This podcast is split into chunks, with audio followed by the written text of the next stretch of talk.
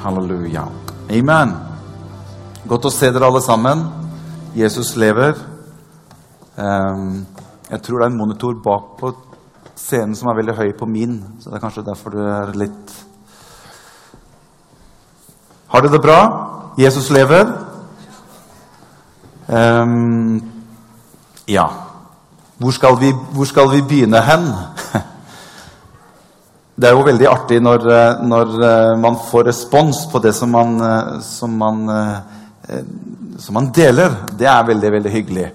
Så når, når liksom det, det, kommer liksom fra de aller yngste og, og kommer hvor Du, det der Ester, det var, det var veldig bra. Så liksom, Hæ, har du, har du fått med deg dette her, liksom?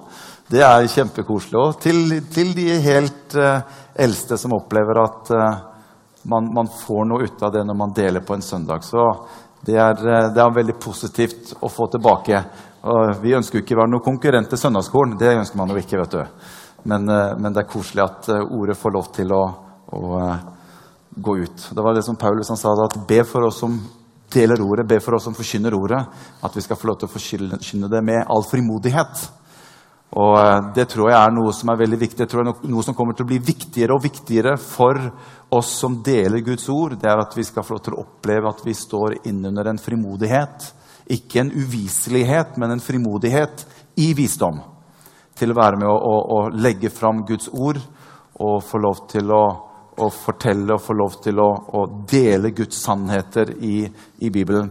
Det vil komme tider, og vi er allerede på vei inn i det tøffe tider som kommer til å utfordre oss på mange områder innenfor det som har med vår tro å gjøre, hva vi står for osv. Så, videre.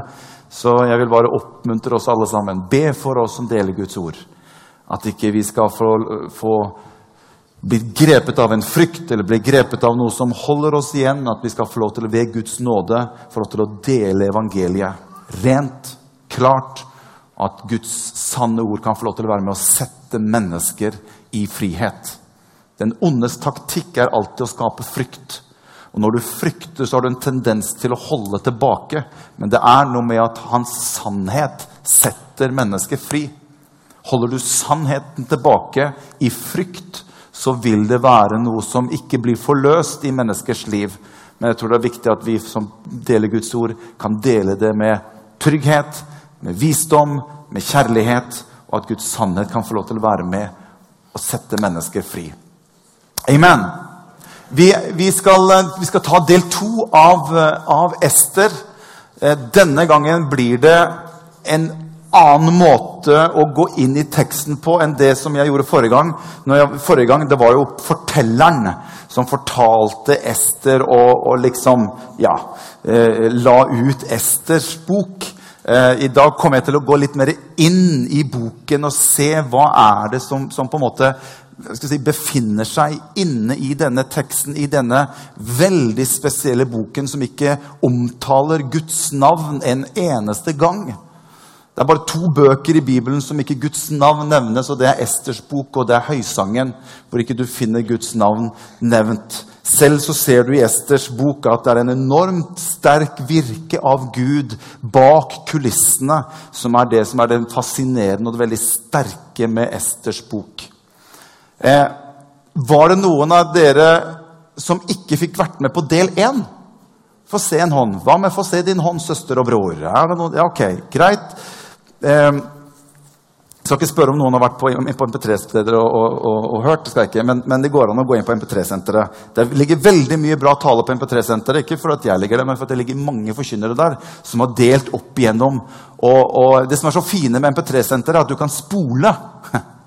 Så hvis det blir litt kjedelig, så kan du bare spole forward.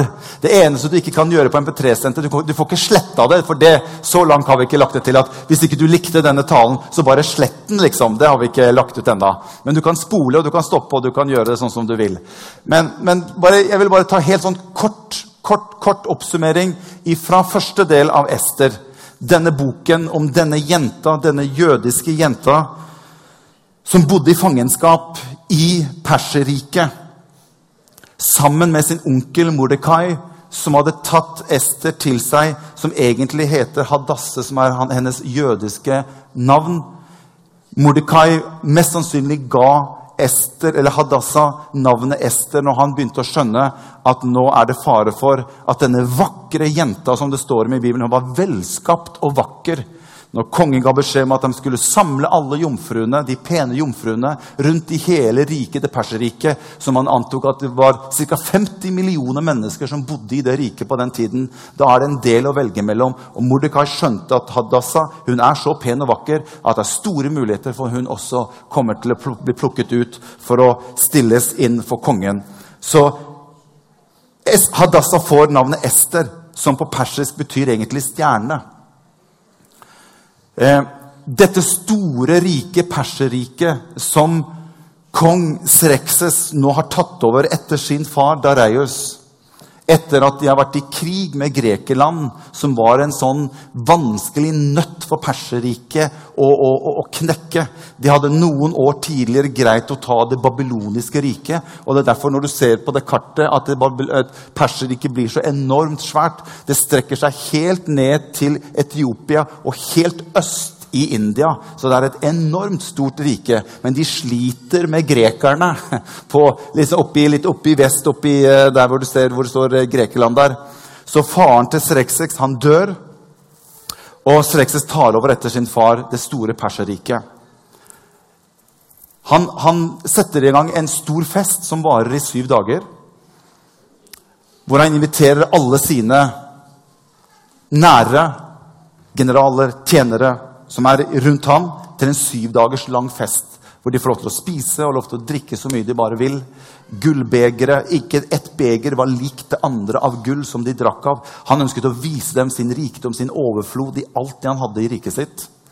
Og mot slutten, når gutta begynner å bli virkelig berusa, på sjudageren, liksom, så, så liksom er det noe som melder seg at de ønsket å se kona til, til Sreksex, Varsti. Varsti er ikke noe norsk navn. Vashti gikk også rykter om at hun var også meget vakker, så, så, så, folk hadde lyst til å se dronningen i all sin skjønnhet. Så kongen gir bud om at hun må kle seg opp og komme og vise seg for folket. Og dette går ikke Vashti med på. Hvorfor? Det snakket vi litt om forrige gang. Det kan du gå inn på MP3-senteret og høre hvorfor. Da får du bety det man gjør i dag. Vet du. Gå inn på TV2 og se videoen, bla, bla, bla. Så vi sier det her. Gå inn på MP3-senteret, så får du høre litt om hvorfor man antar at Varst ikke stiller opp. Men dette her er et, et, et stort problem for, for Sereksex, fordi at du gjør ikke det når kongen har befalt at du skal komme. Så kongen eh, får en utfordring med dette. Eh, så hvis vi går til det første skriftstedet, eller det andre skriftstedet tror jeg som jeg har eh, på, den, eh, på den oversikten min Neste skriftsted. Så når ikke, når ikke Varsti stiller opp så får kongen et problem med dette. Hva gjør jeg nå? Så han rådfører seg med sine brødre. Jeg antar det var ikke veldig mange kvinner i det, det, i det brødrerådet der. for å si Det sånn. For det som står i teksten her, det er at for dronningens oppførsel vil bli kjent blant alle kvinnene. Da snakker de om hele Perserriket. Så de kommer til å forakte sine ektemenn når de forteller dette.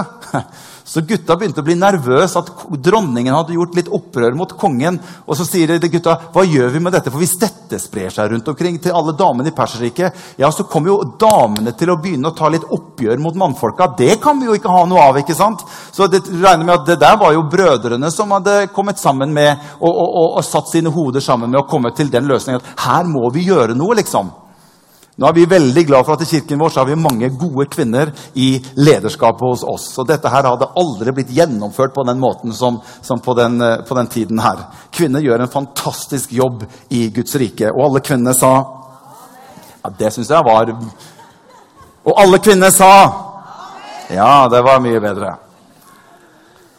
Så det er da det skjer at Sreksex må gjøre en dramatisk manøver å fjerne Vashti som dronning. Hun blir tatt av, og det er i dette momentet hvor Ester kommer inn i bildet. For da bes Rexis om at han skal samle alle disse jomfruene, og han skal plukke seg ut en ny dronning. Og For å gjøre en lang historie kort så blir denne dronningen det blir Ester, som kongen får velvilje for, og tar henne inn Og Ester får en plass hos kongen som få har. I historien så er det også en mann som heter Haman. Du kan gå inn på MP3-senter og høre liksom hvordan Haman kommer inn i bildet. Men Haman er på en måte liksom den onde. I alle historier så må det være en skurk, og det er Haman som er skurken i denne fortellingen her. Som er et bilde på den onde. Haman har et behov av hevn i sitt hjerte mot jødene. Oppimot det som Israel gjorde mot amalekittene for mange mange generasjoner tilbake via kong Saul, som drepte kong Agag. Og dette ligger i hele slektsleddet nedover, helt ned til Haman, som kommer inn i bildet og begynner å organisere internt i Perserriket sammen med kongen at vi må utslette alle jødene. Setter ut rykter, falske rykter, som kongen kjøper og man begynner å sette i gang en ordning om at alle jødene skal drepes. Har man kastet lodd om hvilken dag det skal skje. Det står at det falt på den 13. dag i den 12. måneden, som kalles for Adar.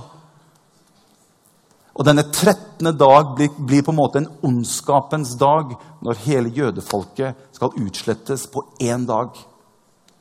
Og Ester kommer inn i bildet fordi at Mordekai jobber også i Slottet og sender et bud til Ester og sier at nå må vi gjøre noe.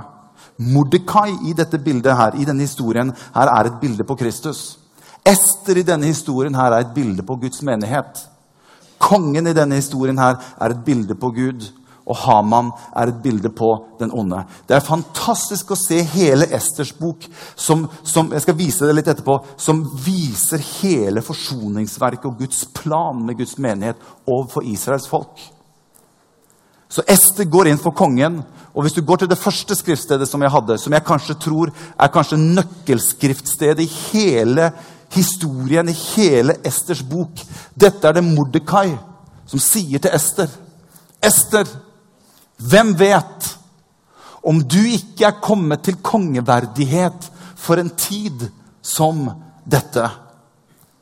Ester, hvem vet om ikke du har kommet i den posisjon som du er i, nettopp for en tid som dette? Og Derfor så tror jeg også at boken om Ester er en bok for deg og meg. I ditt liv, i mitt liv. Du kan sette ditt navn foran der hvor det står Ester. Morten, hvem vet om ikke du er kommet til kongeverdighet nettopp for en tid som dette? Til deg også. Hvem vet om ikke du har fått tak på Jesus og blitt plassert der hvor du er, nettopp for en tid som dette? Noen ganger så tror jeg vi er nødt til å få en slags form for oppvåkning for hvem vi er, hva Gud har kalt oss til, hvilken posisjon han har satt oss i. Og det er det Mordekai gjør med Ester. Ester, tenk om det er slik at du har kommet i en posisjon som du er, nettopp for en tid som dette. Og Ester går inn for kongen uanmeldt og det blir til en redning for nasjonen. Vi skal gå litt inn inn, inn i teksten av det som jeg ønsker å, å, å dele litt med dere i dag. Er du klar for det? Jeg har lyst til å si litt om, om Mordekai. Jeg har lyst til å bare dele litt. Jeg kommer til å hoppe ut og inn av Esters bok slik at dere ser på en måte litt ting som skjer i historien. Dette blir mye dypere og mer komplisert enn rene fortellingen. Så jeg håper ikke jeg skuffer noen små her i dag som ikke skjønte noen ting. Det første var mye bedre. Men jeg, jeg, jeg, har lyst til å gå litt inn i historien, sånn at du kan få lov til å se litt i dag. Det står om Mordekai. Er dere klare? Det står om Mordekai at Mordekai var en benjamitt. La meg bare forklare litt om det som har med en benjamitt å gjøre. En benjamitt er en som er fra Benjamins stamme i Israel. Jeg har en sønn. Eldstesønnen min heter Benjamin. En benjamitt er en som er fra Benjamins stamme. Benjamin er sønn av Rakel og Jakob. Det som er spennende å se, det som har med Benjamin å gjøre, det er at Rakel og Lea er Jakobs hustruer. Lea er et bilde på det som har med den kjødelige siden, mens Rakel blir et bilde på det som har med den åndelige siden. Nå må dere følge med, dere som på en måte har litt sånn kunnskap oppi dette her. Hør. Rakel kunne ikke få barn, men Lea kunne. Gud åpner opp Rakel og gjør et under så Rakel kan føde. Benjamin er den yngste sønnen av alle de tolv sønnene. Så når Josef kommer til Egypt, og, han, og, og, og, brødrene kommer til å hilse på ham, så er det bare de ti første som kommer først. Og han spør har dere ikke en til. For han vet at det fins en lillebror. Benjamin var den siste som kom. Neste gang de kommer, så kommer Benjamin sammen med dem. Og hør, det er et eller annet som skjer i hjertet til Josef, som er et bilde på Kristus. Josef er vår Kristus. Det er noe som skjer når Benjamin kommer frem for ham. Det står at Josef gråt når han så Benjamin. Og det står at han velsignet Benjamin fem ganger det han velsignet de andre brødrene med.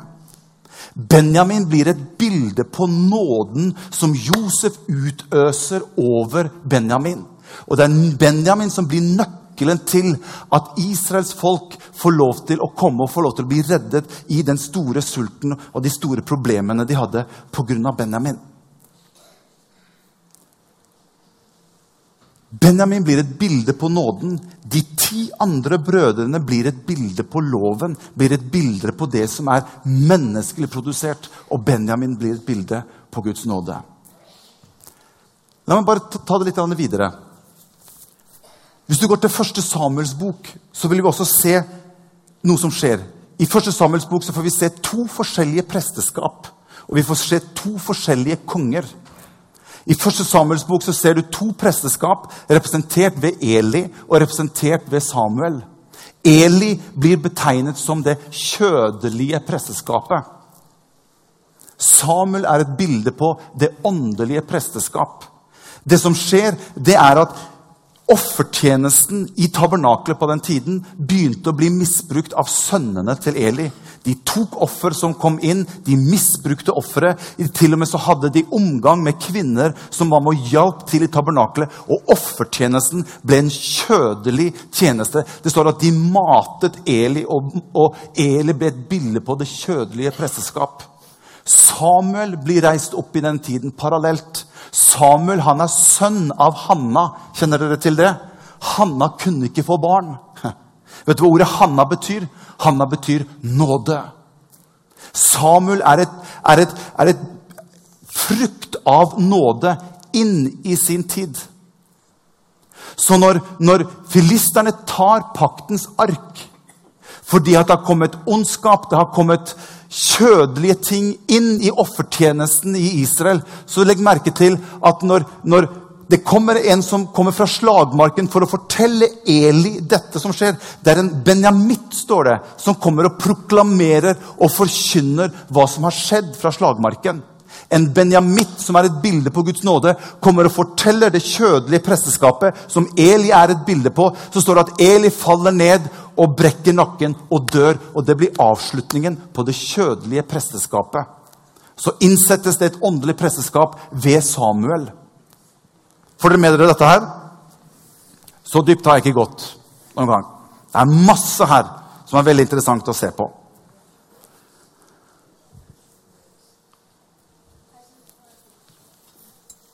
En benjamitt er en som er et bilde på Guds nåde.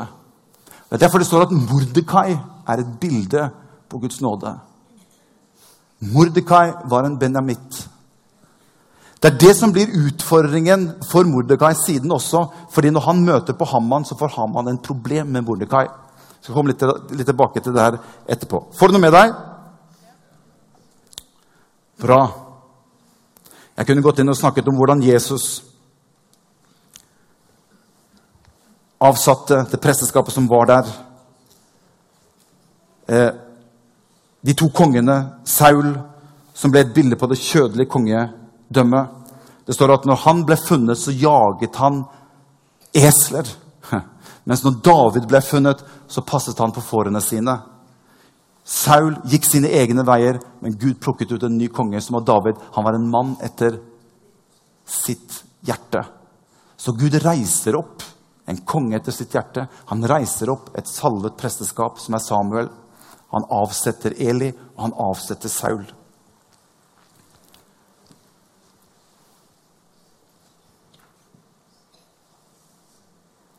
Jesus blir tatt til fange. Han ble ført frem for ypperstepresten. Skal bare ta det kort. Og det står at Ypperstepresten står, han rev sin kjortel i stykker. Og hva er det han gjør for noe? Han avslutter sitt presteskap foran Jesus. Som innsettes som det nye presteskap, står det etter Melkisedeks vis. Det levittiske, det kjødelige presteskap, var over. Det som var etter loven, det var nå over. Og et nytt presteskap kommer til. Og så sier Peter, vi er en utvalgt slekt. Et kongelig presteskap. Etter Melkisedeks vis. Vi har Jesus som vår ypperste prest. Når Abraham kommer til Melkisedek, så er det ikke bare lov, lov, lov. Vet du hva som skjer når Abraham møter Melkisedek? Det er velsignelse, velsignelse, velsignelse. Så står det, Og Melkisedek velsignet Abraham der han var. Det er det presteskapet vi står innunder i dag. Et presteskap som velsigner, som ikke forbanner. Det er, det jeg ønsker at vår kirke skal være. Det er det jeg ønsker at denne talerstolen skal være. Det er det jeg ønsker at du og jeg skal representere. Vi skal ikke representere et lovisk presteskap. Vi skal representere et guddommelig presteskap som er fylt av godhet og nåde, og som velsigner. Jeg hører altfor mye predikanter som der ute har fordømmende forkynnelse, og som forteller om at sånn og sånn og sånn skjer fordi at Gud dømmer nasjonen. og Gud, ja 9-11, det var Gud som dømte USA. Og Katrina-ulykken, det, det, det er Gud som dømmer. Hør, Gud dømmer ikke i dag. Vi er innunder Melkisedek sitt prestetjeneste. Gud har gitt oss en nådens tid, og vi er prester etter Han som er med og velsigner, velsigner, velsigner med god, godhet og nåde. Det er det vi er satt inn i. Og jeg vil si, Hvis du hører forkynnere som er veldig på at alt det som skjer rundt omkring, er fordi at Gud dømmer, så vil jeg si det er ikke den Gud som jeg kjenner i Det nye testamentet. Det var en Gud som var i Det gamle testamentet, men i dag har det kommet noe imellom som heter Jesus Kristus og hans godhet og hans nåde. Han er ikke ute etter å dømme deg og meg, han er ute etter å frelse og hjelpe oss ut ifra våre problemer og vanskeligheter.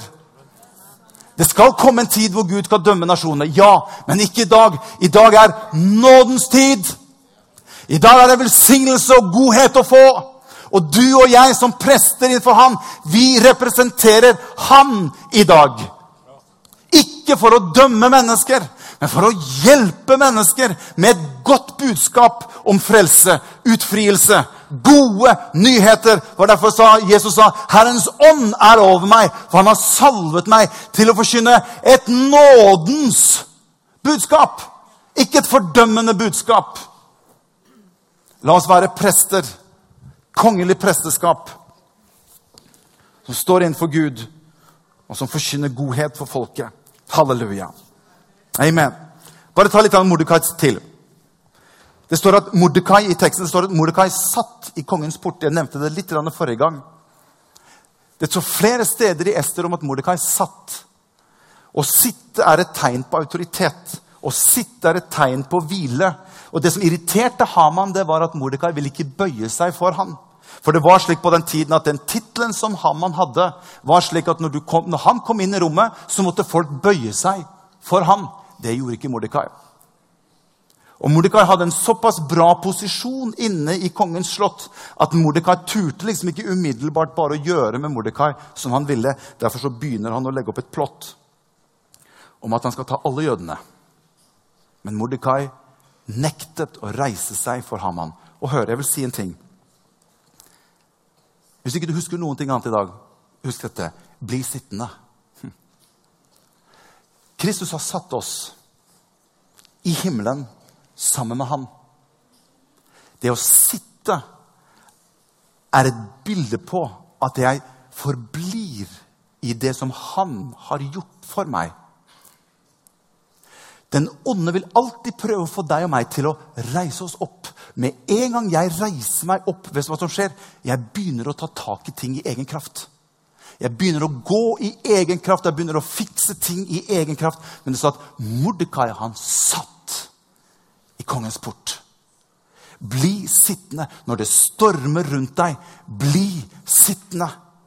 Vær forsiktig så ikke du plutselig begynner å engasjere deg i alt mulig. Nå må jeg fikse og ordne, og nå begynner jeg å kjenne at frykten tar meg. nå begynner jeg fikse, Og så går vi i egen kraft. Jeg sier, bli sittende. Hvil i Jesus. Hvil i det han har gjort for deg og meg. Søk han. Sett deg ned, bli sittende, og søk han. Halleluja. Mordekai satt i Herrens port. Så vi går litt videre her. Det er to erklæringer som blir gjort av kongen. Så jeg bare skal få lov til å se noen ting her. Det er to erklæringer i Esters bok som blir gjort. Den første erklæringen er det Haman som greier å få til, men med kongens autorisasjon. Og det er at de planlegger å drepe alle jødene. De sender ut en lov, et bud, om å ta livet av alle jødene. Og hør, dette er et bilde på loven som ble gitt i Det gamle testamentet. Loven som står imot deg. Det står at bokstaven slår i hjel. Det står at loven var mot deg og meg. Så når kongen autoriserer denne loven, så er det et bilde på den loven som ble gitt, som ikke var til for å hjelpe deg og meg. Ingen kunne overleve loven. Vi var dømt til å dø. Selv om det var kongen som autoriserte den, så ble den gitt på samme måte. Og kongens signeringsring ble gitt til Haman, og den ble etablert, og den ble satt i aktivitet. Bare følg med, følg med litt videre. Nå så jeg at det var noen som begynte å knake opp i huet her. Mordekai kommer inn i bildet og skjønner at noe må gjøres. Og det er da Mordekai sier til Ester.: Hvem vet om du ikke du er kommet til kongeverdigheten for en tid som dette? Og Ester må komme inn for kongen. Hun vet at går jeg uanmeldt inn for kongen, så kan jeg risikere å dø. Likevel gjør Ester det, og Ester sier det. Dør jeg, så dør jeg. Men jeg gjør det likevel. Og det står at på den tredje dag, står det. På den tredje dag. Et bilde på oppstandelsesdagen. Et bilde på endetiden. En dag, står det i Bibelen, er som tusen år og 1000 år som én dag. Det er 2000 år siden Jesus døde på korset. Vi er i den tredje dag. Vi er tidlig i den tredje dag. Se hva som står i Hosea kapittel 6 og vers 2. Jeg skal bare ta noen ting ut fra Esters bok her. Kapittel 6 og vers 2. Han skal gjøre oss levende etter to dager. På den tredje dag skal han reise oss opp, så vi skal leve for hans åsyn. Vi er i starten av den tredje dag. Hør, vi lever i avslutningens tid. Vi lever i avslutningens tid. På den tredje dag står det da bestemte Ester seg for å gå inn til kongen. Og så kommer selve hovedscenen. Når Ester kommer inn i det aller helligste Hun åpner døren uanmeldt og kommer inn der hvor kongen sitter, i det aller helligste. Hun vet at hvis ikke jeg vinner kongens hjerte nå, så er det ute med meg. Men det står så bra at når, når, når kongen ser Ester, så får han godhet for henne. Og, så, og han rekker ut sitt septer mot Ester som et bilde på at jeg gir deg nåde. Vet du hva som står i Hebrevbrev kapittel 1 og vers 8?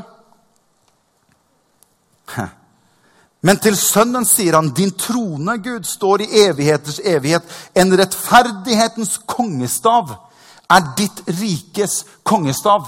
Så når Ester kommer inn i rommet der hvor kongen sitter, uanmeldt, så rekker kongen rettferdighetens septer og gir Ester som et bilde på menighet. Han gir henne rettferdighet.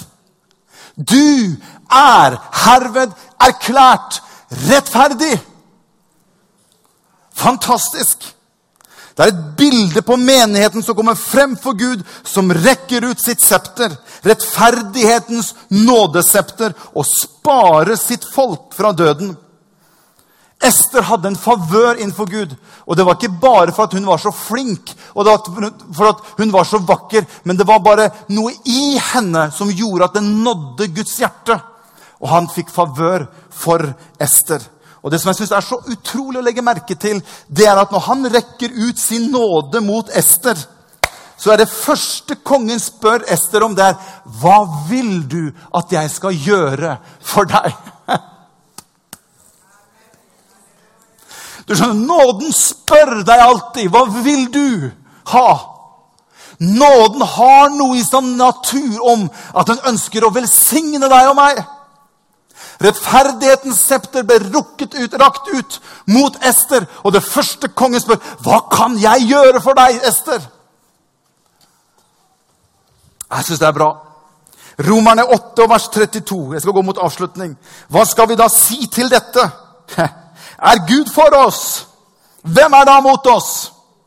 Han som ikke sparte sin egen sønn, men ga ham for oss alle. Kan han gjøre noe annet enn å gi oss alle ting sammen med ham? Det er det som ligger i når Gud strekker ut sitt nådesepter og gir deg og meg nåde. Det ligger noe i det som gjør at du kan spørre Gud om ting. Og han ønsker å velsigne deg med det som godt er fra hans rike. Det står i, i, i Hebrevet kapittel 11 vers 6, det er en av mine favorittvers. Det står at 'den som kommer frem for Gud' Og det er deg og meg. Og det er det som sånn ligger meg på mitt hjerte. Det er den posisjon som du og jeg er blitt satt i. Ester hun turte å gå uanmeldt inn for kongen med livet som innsats. Hør, du og jeg har faktisk blitt satt i himmelen med Kristus. Vi har all mulig tilgjengelig. Alt er blitt gjort ferdig. Det står at den som kommer frem for Gud, han må tro at han er til. Og så ligger det i naturen til Gud. Og at han lønner den som søker ham. Ester, hva vil du at jeg skal gjøre for deg? Hva ønsker du, Ester? Det er noe i min natur, det er noe i min nådenatur som ønsker å velsigne deg, Ester. Hva vil du, Ester? Hva kan jeg gjøre som din konge? Hva kan jeg velsigne deg med som din konge? Du skjønner, Det er det å spørre han som gjør han til konge. Hvis ikke jeg spør han om noe, så vil, blir han ikke noe mer. Men når jeg spør han, det er da han kan få lov til å være kongenes konge og herrenes herre. Det er når jeg ber til ham, det er da jeg gjør at han kan komme i sin posisjon og gi meg det som jeg ber han om. Alt du ber om i mitt navn, tro at du har fått det, og du skal få det, sier Herren. Det er noe i nådens natur som gjør at Gud ønsker å velsigne deg og meg. Det er noe i hans hjerte som ønsker å være din og min konge. Å være sterk og være stor for deg og meg. Jeg tror mange ganger vi glemmer å bruke den posisjonen som vi har. Ester, som er et bilde på menigheten. Ester, som er et bilde på Guds forsamling. Guds menighet blir ofte omtalt i Bibelen som kvinne. Ofte så omtales menigheten som jomfru. Noen ganger så omtales den som hustru. Noen ganger så omtales som, som dronning. Hør! Det var noe som slo meg når jeg, når jeg, når jeg satt med dette her. Jeg tror mange ganger at vi har altfor mange jomfruer Nå snakker jeg åndelig talt. Jomfruer som er født på ny, men som ikke deler noe fellesskap med Jesus. Jeg har bare fått, blitt født på ny, men jeg benytter meg ikke av den anledning jeg har til å dele fellesskap med han. Ester hadde sett sin posisjon. Tro om ikke du, Ester, som har fått kongeverdighet, at ikke du kan bruke den litt mer, Ester. Tro om ikke Gud har satt deg og meg i en posisjon. Den tilgangen som du og jeg har innenfor Han, å komme innenfor Han. Og vite at all skyld, all synd, er tatt bort. Det er ingenting som kan ramme meg lenger. Haman han ble, han ble hengt på den galgen han selv hadde laget for Mordekai. Haman som var et bilde på brødrenes anklager, som hele tiden kom inn for kongen og anklaget folket. Han er borte. Og jeg har fri tilgang til å komme inn for kongenes konge og være en dronning Og være sammen med han og snakke til han og dele fra mitt hjerte. Jeg tenker, jeg tror vi må bruke mer av den posisjonen som vi har fått som hans forsamling. Du og jeg som hans elskede. Til å komme inn for Gud. Halleluja. Og Gud gir Ester nåde. Hør, jeg skal avslutte med dette. Se hva som skjer. Det kommer en ny lov ut. Den nye pakt. Srekses tar livet av Haman. Innsetter Mordekai. Jeg vet ikke om jeg har et, jeg har et skriftsted som sier noe om dette her. Ester vers 8, kapittel 8, vers 8. Halleluja. Skjønner, Den loven som sto imot deg og meg, som dømte deg og meg til døden, den tok han bort. Så kom en ny lov. Så sier kongen til Mordekai og til Ester, så står det Sett nå opp et nytt skriv om jødene i kongens navn. Så står det slik dere finner det best. Fantastisk. Og sett kongens seil på det med, med signeringen hans. For et skriv som er utstedt i kongens navn og forseglet med kongens signering, kan ikke kalles tilbake. Halleluja. Skjønner, Vi lever ikke i den gamle pakt. Vi lever ikke under loven. Han tok den bort. Han oppfylte alt det. Det var greit. Paulus han sa hvis ikke det var noe å utsette på det gamle, så hadde vi ikke trengt noe nytt. Men Gud, Jesus sa dette er den nye pakt i mitt blod. Og i denne pakt så er det andre ting som gjelder. Det er bygget ut ifra min nåde og min godhet mot dere. Og jødefolket blir spart. Fantastisk. Og den 13. dag i den 12. måned det ble snudd om til en gledens dag. Skjønner, Gud kan snu din dag, som ser ut til å bli vond, til en gledens dag. Han har makt til å snu det som er vanskelig for deg og meg, om til noe godt. Det som de hadde forberedt på ville bli en katastrofe, det snudde bare Gud om til en gledens dag. Og opp til den dag i dag så feirer jødene purim. Og de fryder seg og gleder seg over hva som skjedde, hva som skjedde med Ester. At hun reddet hele Israels folk. Og det er mange andre ting jeg kunne gått inn i her i Esters bok og delt. Men jeg har ikke tid til det akkurat nå. Men det som jeg kjenner ligger meg på hjertet, det er disse tingene. Lovens tid er forbi. Det som sto meg imot, er borte. Nådens tid er her, og han har gitt meg tilgang. Og det siste verset som vi deler før vi, før vi avslutter, kan ikke vi komme opp og synge litt til slutt? Som det står i Hebrebrevet kapittel 10 og vers 19-25.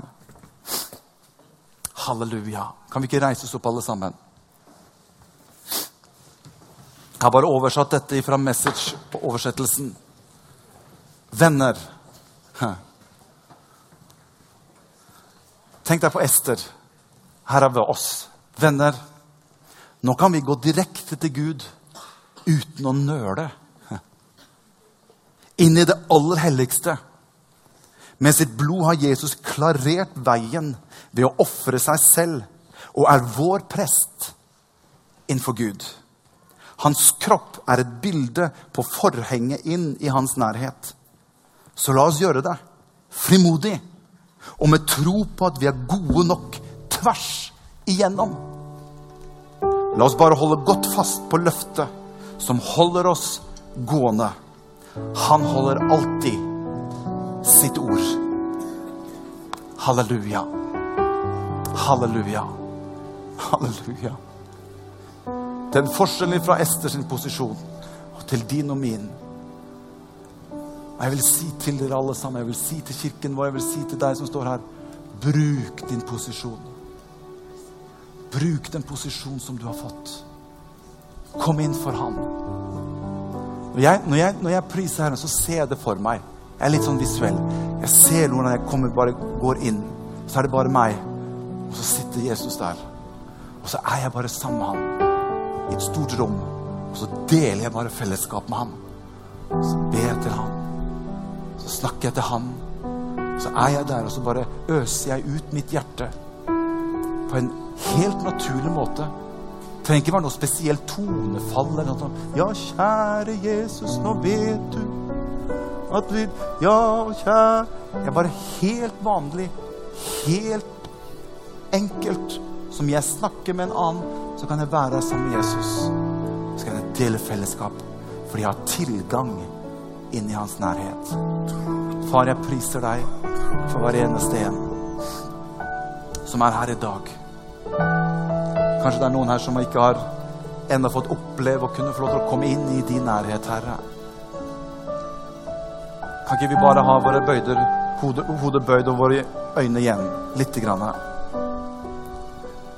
Jeg har lyst til bare å spørre, hvis det er noen her som ikke har sagt et ja til Jesus, som du kjenner at jeg har lyst til å få tak på Jesus. Jeg har ikke sagt ja til Jesus. Kanskje det er lenge siden du har hatt kontakt med Jesus. Kanskje det er lenge siden du var inne i hans nærhet. Og Jesus kaller på livet ditt og sier at nå ønsker jeg fellesskap med deg igjen. Og det er lenge siden vi har hatt fellesskap. Og jeg har så mye som jeg ønsker å gi deg, sier kongen. Jeg har så mye jeg ønsker å gi deg og fortelle deg. Hvis du er her og du opplever at dette budskapet har talt til noe til deg, så mens vi har øynene lukket, ønsker jeg bare løfte opp en hånd så jeg kan se den. En der, det er en der, det er en der. Er det flere? Bare løft den opp og ta den ned igjen hvis du ønsker å jeg må få et nærmere fellesskap med Jesus. Er det flere? Det er en der. Jesus. Jesus. Halleluja.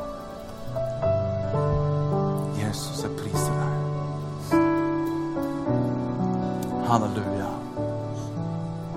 Halleluja. Det er mennesker her som er oppe i en vanskelig situasjon, hvor du syns tingene ser håpløst ut. Jeg har bare lyst til å si til deg, som ut, ut fra teksten, bli sittende. Hvil i hva han har gjort for deg. Jesus sa, hvordan kan du med noe bekymring legge så mye som en livsall til, til, til ditt liv? Du får ikke gjort noe. Beste du og jeg kan gjøre, er å bli sittende, hvilende i hva han har gjort for deg og meg. Gå heller inn i hans nærhet. Halleluja. Vi synger en sang til slutt. Halleluja. Jesus. Praise you, Jesus. Hallelujah.